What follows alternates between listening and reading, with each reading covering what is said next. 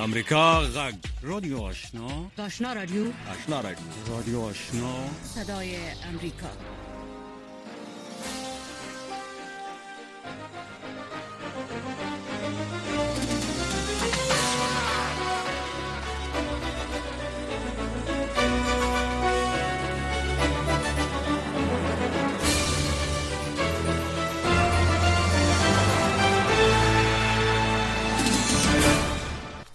شنونده عزیز سلام.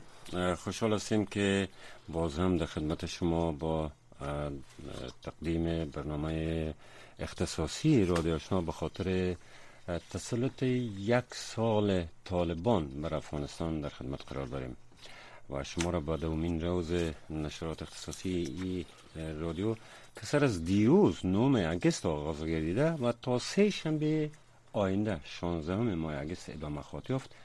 خوش آمدید میگم. ډیر من حضرت صاحب تاسو نه هم او اردوونکو ته هم سلامونه. زه متي الله عابد خبرونه کې د عزیزاده صاحب یم او یو سات خبرونه به خاص څنګه چې عزیزاده صاحب ویل چې موږ نن په تیر یو کال کې د 15 د اگست 2021 نه د 15 اگست 2022 پورې د افغانستان په دغه جریاناتو کې په اقتصادي. اړخ باندې خبرې کوو. بله البته برنامه ویژه ما هر روز در یک مورد خاص است تحت رژیم طالبان و م، دیروز در مورد آزادی بیان برنامه داشتیم. امروز در مورد اخ- اقتصاد بانکداری و امور مالی با شنونده عزیز خود صحبت خواهد کردیم. ولی در آغاز با شنونده های عزیز خود یک جای به تازه ترین اخبار افغانستان منطقه و جهان گوش میدیم.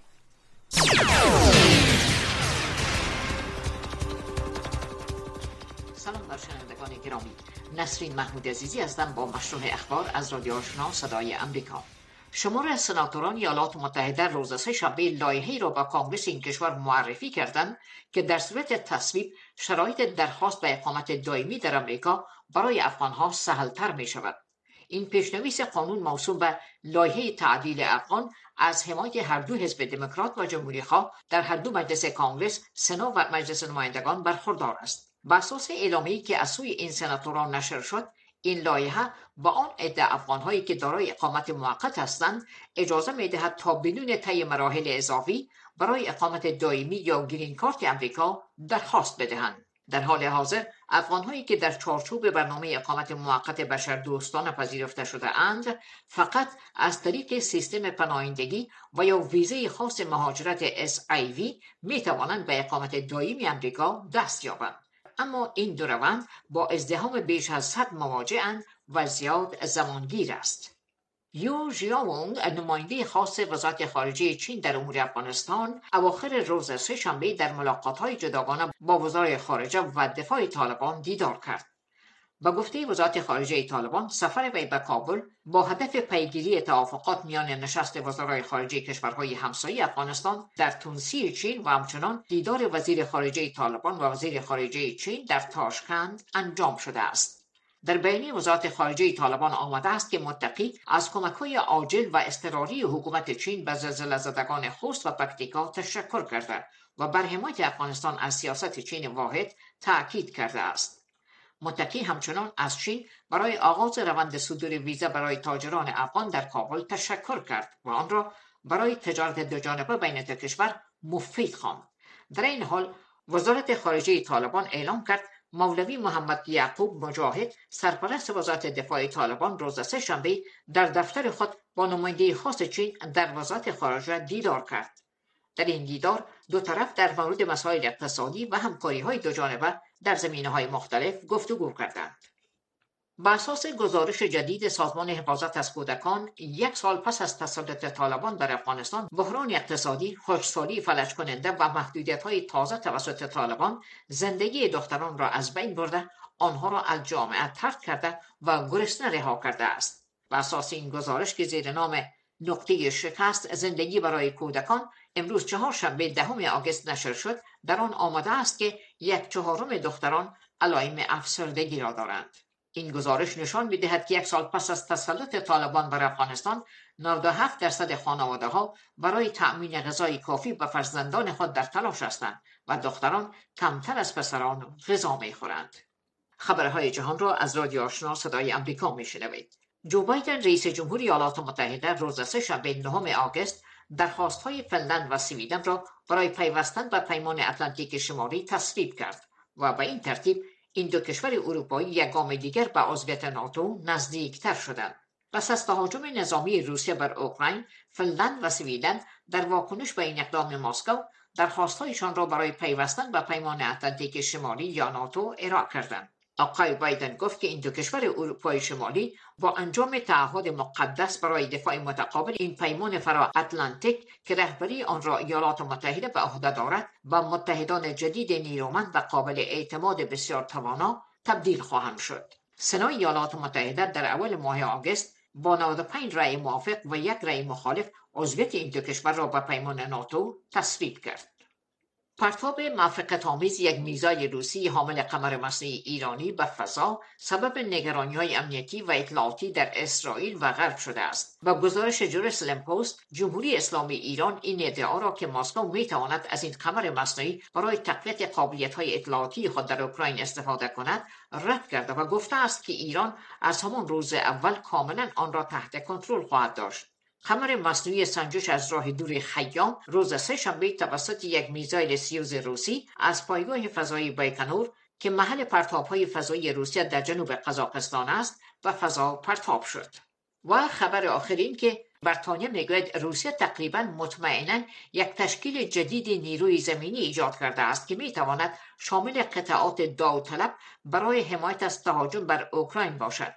ایجاد قطعات نظامی به سبک داوطلبانه هایی را که ولادیمیر پوتین رئیس جمهور روسیه و برنامه ریزان جنگ او در تلاش برای تسلط بر جمهوری کوچکتر روسیه پس از شوروی با آن روبرو هستند برجسته می کند.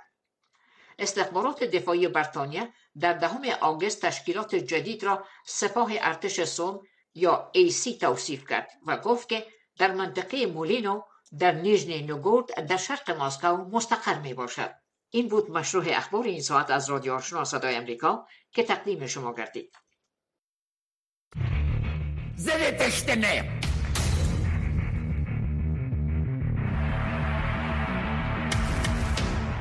رئیس جمهور پیشین افغانستان افغانستان ترک کرد American troops cannot and should not be fighting in a war and dying in a war that Afghan forces are not willing to fight for themselves.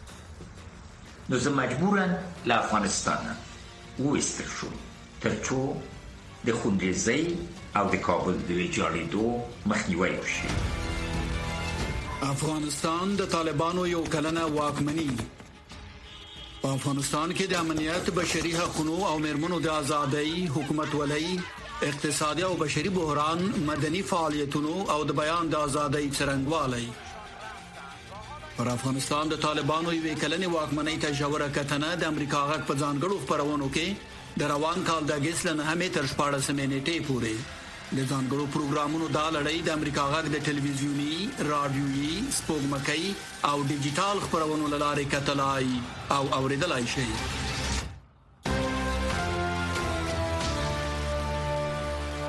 شنونده عزیز باز هم به دومین روز نشرات اختصاصی رادیو آشنا صدای امریکا که سر از دیروز نهم آگست آغاز گردیده و تا سه شنبه آینده 16 ماه آگست بر روزانه بر 12 ساعت ادامه داره به صورت مستقیم البته نشر میشه. خوش آمدین. در برنامه دیروز همونطور که گفتم ما در مورد آزادی بیان صحبت کردیم. امروز روی اقتصاد افغانستان صحبت می‌کنیم که اقتصاد افغانستان چرا به یک پارچگی و به یک بارگی پاشان شد و عوامل و پیش زمینه های اقتصادی سقوط چی بود؟ چی اثرات ناگوار در کوتاه مدت میان مدت و دراز مدت سر افغانستان. خود داشت ما از مهمان های عزیزی دعوت کردیم که در برنامه ما شرکت بکنن و در این مورد تحلیل های خود خدمت شما ارائه بکنن. جناب قیس محمدی آگاه امور مالی و اقتصادی. امیدوار هستم که شما صدای ما را بشنوین. با ما هستین آقای محمدی؟ سلام علیکم. بسیار تشکر. و مهمان دیگه هم داریم آقای احمد سیر قریشی آگاه امور اقتصادی و بانکداری. آقای قریشی شما هم آواز ما را میشنوین؟ شما با ما هستین؟ تشکر. بله صدای شما را دارم. بسیار تشکر از هر دو مهمان عزیز خود. صحبت از آقای قریشی شروع می‌کنیم. شما میشه که به طور خلاصه البته سوالای زیاد داریم برنامه ما برای یک ساعت است همطور که گفتیم. یک توصیف از اقتصاد افغانستان امروز بتین تحت سلطه طالبان سلام خدمت شما بینندگان و شنوندگان رادیو شما و مهمان برنامه شما و همکاران تکنیکی شما.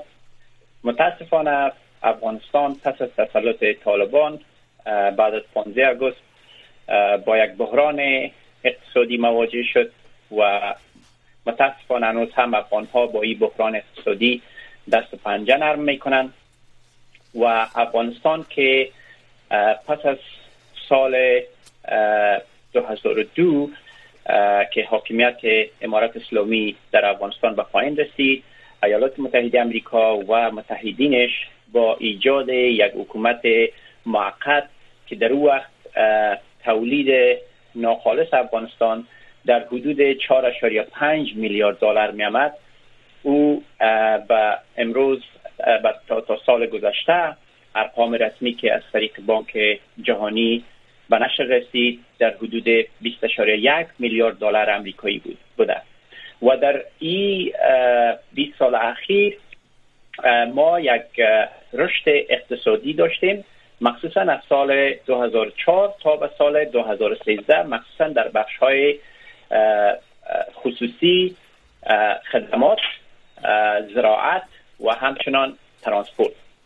و اقتصاد افغانستان تا قبل از ماه اوت یا آگست 2021 75 درصد به کمک های خارجی وابسته بود.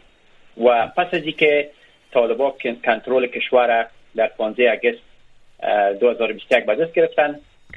دولت های کمک کننده که البته به رهبری ایالات متحده و به بانک جهانی دستور دادن تا در حدود دو میلیارد دلار از کمک های خارجی که توسط از این بانک قبلا از طریق صندوق امانی بازسازی افغانستان یا ARTF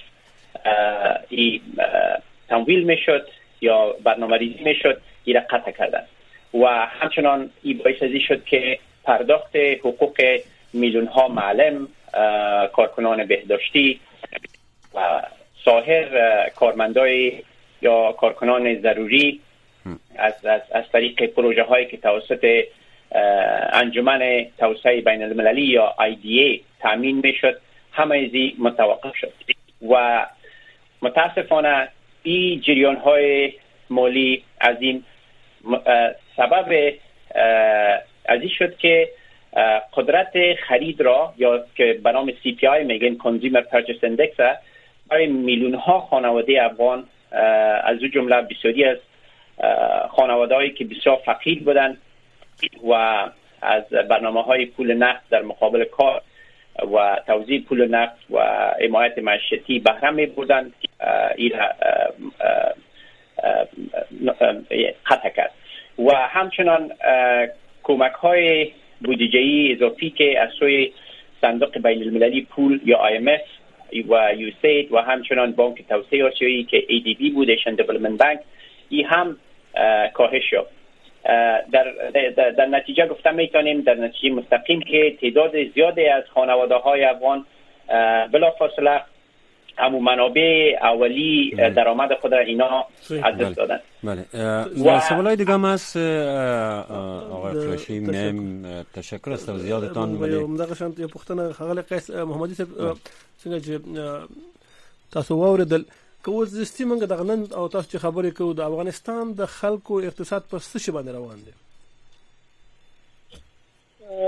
بیا هم سلامونه وړاندې کوم تاسو او محترم اوریدونکو ته تاسو د زرم کال نه. کله چې امریکا افغانستان ته راغله د افغانستان مړه اقتصاد دوباره په وسیله باندې راځوندل شو.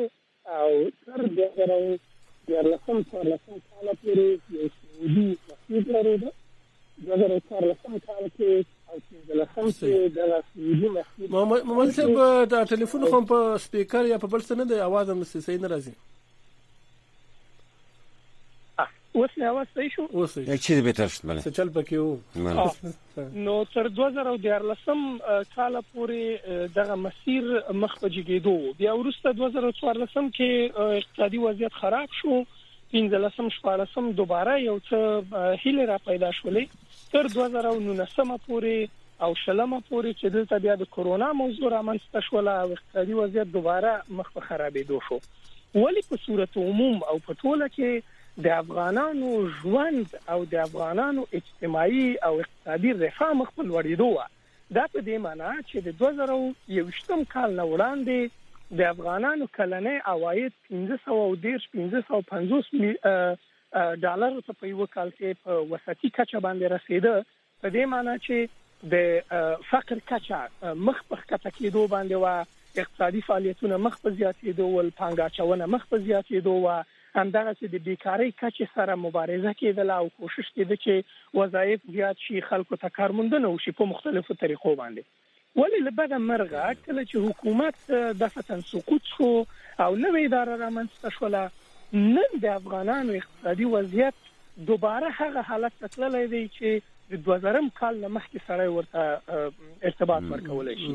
په دې معنی چې د فقر کچا نن د 15 سلنه لا لوړه ده. په دې معنی چې د افغانستان هغه 30 میلیوني وړاندوینه چې کیږي د نفوس نه 15 سلنه خلک د دوی له بد امرغه د فقر د خلاف مونږ وایم د عاید وسیله د معاش ذریعہ دا وخت لکه نړیوال مرستې باندې دي کارونه نشته نو خلک دا ورځ څنګه سبا کوي؟ زه دغه خبرې ته راځم. چې د د فقر د کچې نه لاندې ژوند په دې معنی چې دوی په ورځ کې د یو ډالر نه کم د خپل د خوړو لپاره مصرف لري. د یو ډالر نه کم په دې معنی چې دوی خپل ژوند ته په عادي طریقې ادامه نشي ورکولای. او وړاندوینه کیږي چې د دغه کال تر اخره پورې تر دسمبر پورې به شل میلیونه ماشومان د خوارځاکۍ سره مخامخ دي. د معنی چې دوی به د خوړو لپاره کافي مواد نه لري. د دوی عایداتي کچه د عایداتي سرچینې څه شي دي؟ یو په افغانستان کې د نیمه ژوندۍ خصوصي سکتور چې پاتې دی یو تعداد خلکو ته د غزینه زمينه مساعده شوی یو تعداد چې خارج د افغانستان نه یا ورور تللی یا پلار تللی یا ماما او کاکا تللی دوی د دې ځینو سره کومکونه کوي پیسې ورلېږي او یو تعداد په خواني مامورین چې تر اوسه پورې هم په حکومت کې کار کوي دوی د نیمایي نه کم معاش اخلي او خپل وضعیت تشکر. زنده باشین. آقای قریشی صحبت های آقای محمدی هم شما شنیدین. اما این ورشکستی اقتصاد یک بارگی هم پیش گفتیم. این خب پیش زمینه های هم با داشته بوده باشه بله؟ شما چی فکر می‌کنین؟ خب در حقیقت اگر ما اقتصاد افغانستان از لحاظ تکنیکی عملی و واقع بینانه ارزیابی کنیم متاسفانه اقتصاد افغانستان از سال 2002 که آغاز شد یک اقتصاد جنگی یک اقتصاد مصرفی و یک اقتصاد مافیایی بود. اگر ما در حدود بیشتر از 140 میلیارد دلار که در داخل افغانستان سرازیر شد ببینیم بیشتر از این پول ها در زیربناهای اقتصادی استفاده درست نشده. یعنی به این معنا که 85 فیصد از این پول ها به شکل پروژه های مصرفی بوده. به این معنا که اگر شما امروز ببینید افغانستان هنوز هم در حدود 160 میلیون دلار امریکایی را سالانه ما از کشورهای همسایه مانند ازبکستان، تاجکستان، قزاقستان و همچنان ایران ما برق را خریداری می‌کنیم و در پولوی ازی ما در حدود 3.5 میلیارد دلار سالانه ما تیل خریداری می‌کنیم از کشورهای همسایه خود. به می شکل ما در قسمت زراعت خود که بر اساس یک ارزیابی که توسط بانک جهانی شده بود دو سال قبل افغانستان می تواند که در حدود یک برای 160 میلیون افراد غذا تهیه کنه یعنی یک کشور زراعتی است که در حدود 75 درصد از نفوسش در زراعت مشغول است.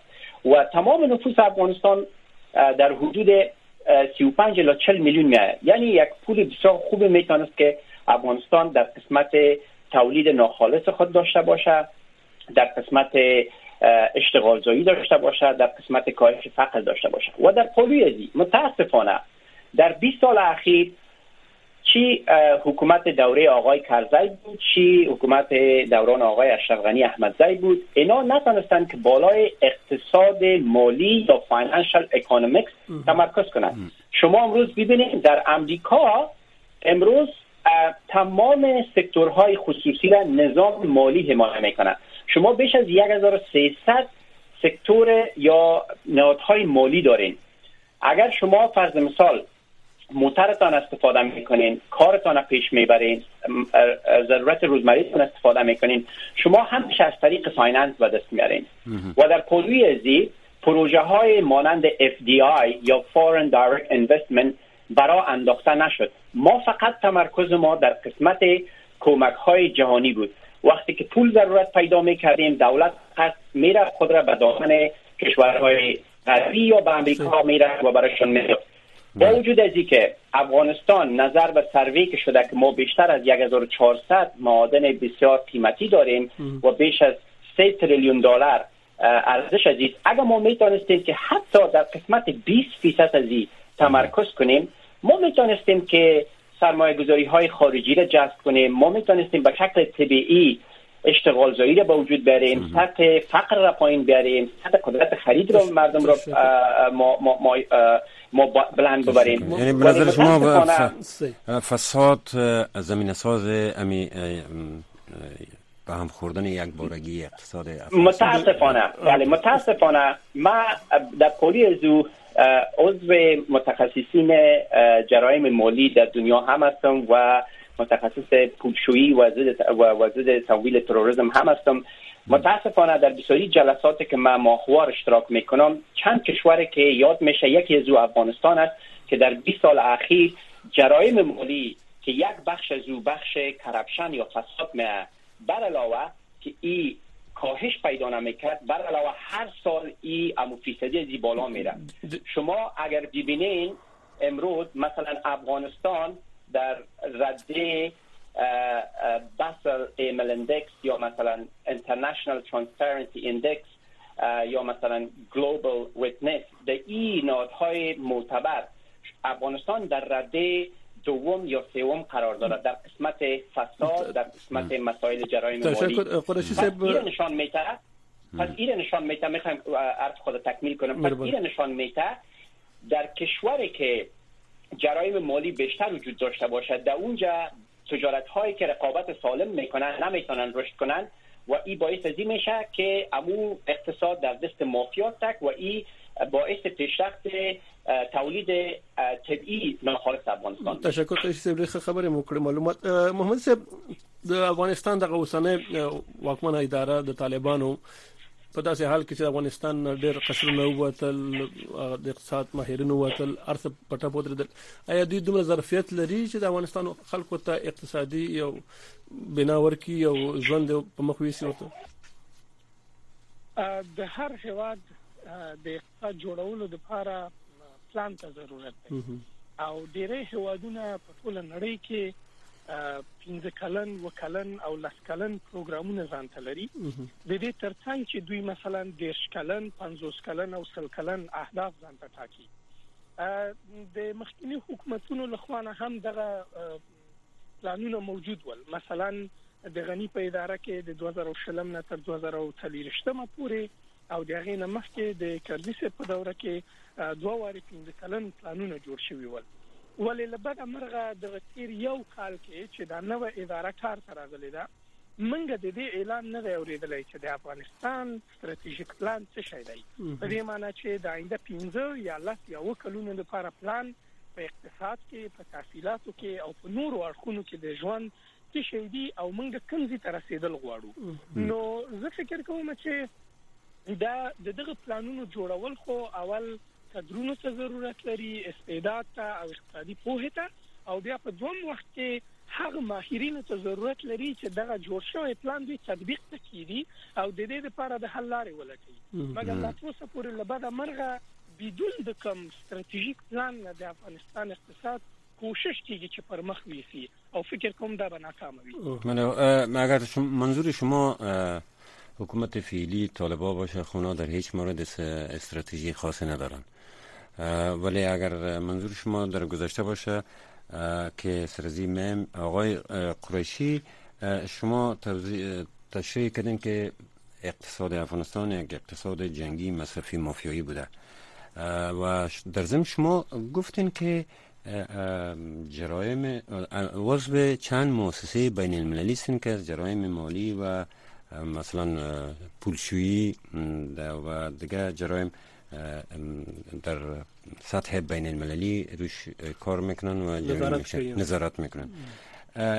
آیا امکان داره که از او طرق کسانی که به افغانستان خیانت کردن پول بردن سیگارم گزارش مفصل نشر کرده امکان پیدا شده بتانه که کسایی که متهم یا طالب رسما متهم نشدن یا ای که به نظر یک تعداد متهم هستن. اینا به دادگاه کشیده شان یک روزه که جوابگو صورت بگیرن و مسئولیت خود ادا بکنن؟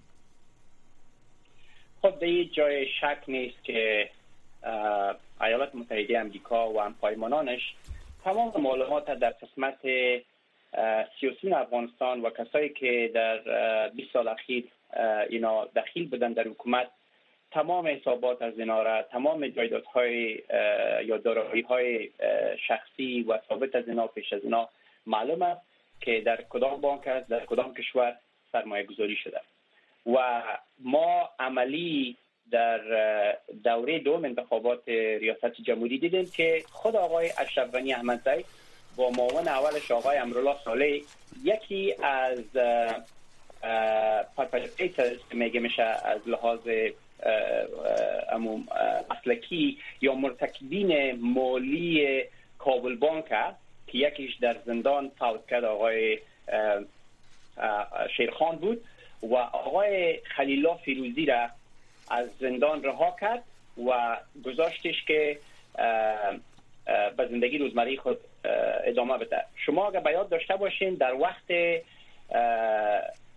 مشکلات مالی که در امریکا در سال 2008 با وجود آمد بردی میداس که یکی از بزرگترین کسایی بود که در اختلاس استاک اکسچنج امریکا دست داشت که بیشتر از 20 میلیارد اختلاس کرده بود. او فرد زندانی عمری شد و تا وقتی که در زندان از بین رفت و تمام جایدادهای ثابت از او و نقد از او هم از او شناسایی شد و همش به حساب ضبط شد. ولی متاسفانه در افغانستان فردی که تمام جرم بالایش ثابت شده بود و حتی پول نزدش موجود بود ولی اونمو مسائل نپوتیزم و کرونیزم که در افغانستان وجود داشت و مسائل فساد که وجود داشت باعث از شد که مثل که یک نمونه است یک مثال است. و در پلوی ازی امیال ها افرادی که در دولت سابق از موین گرفته تا رئیس تا وزیر همش در لوی سارانوالی افغانستان امو دوسیایشون وجود داره. چند فرد که متاسفانه و دوسیه دارن در قسمت پولهای گذاب حتی بسویر وزیر هستند اونا در وقت امارت اسلامی افغانستان دوباره افغانستان آمدن. اینا کسایی هستند که حتی درباره از یا سیگار راپور خود نوشته کرده. حتی درباره از راپورهای دیگه وجود داره که اینا مال بیت المال یا پول ملت افغانستان اینا مایل کردن. پس به این معنا که اگر واقعا یک بررسی شفاف و واقع بینانه شود تمام پول هایی را که اینا حیف مایل کردن اینا همه شناسایی میشه. تشکر. من قسم صاحب نیم ساعت پوره کیږي موږ بل برخه ته بزو هغه کې تاسو نه غواړو بل ورته څنګه چې د افغانستان د شرایطو ته چې موږ ګورو د نړیوالو لخوا فقط هم دا ویل کیږي چې موږ د بشري مرستو لپاره پیسې ورکو آیا یوازې په دغه بشري مرستو باندې د افغانستان د خلکو گزاره کېدای شي؟ لبد مرغه افغانستان هغه هواد دی چې په خپل حد اقل سل کلن عمر کې همیشه د بهرنیو قدرتونو کومکونو ته محتاج پاتې دی. او نه تنها دا چې دغه کومکونو ته په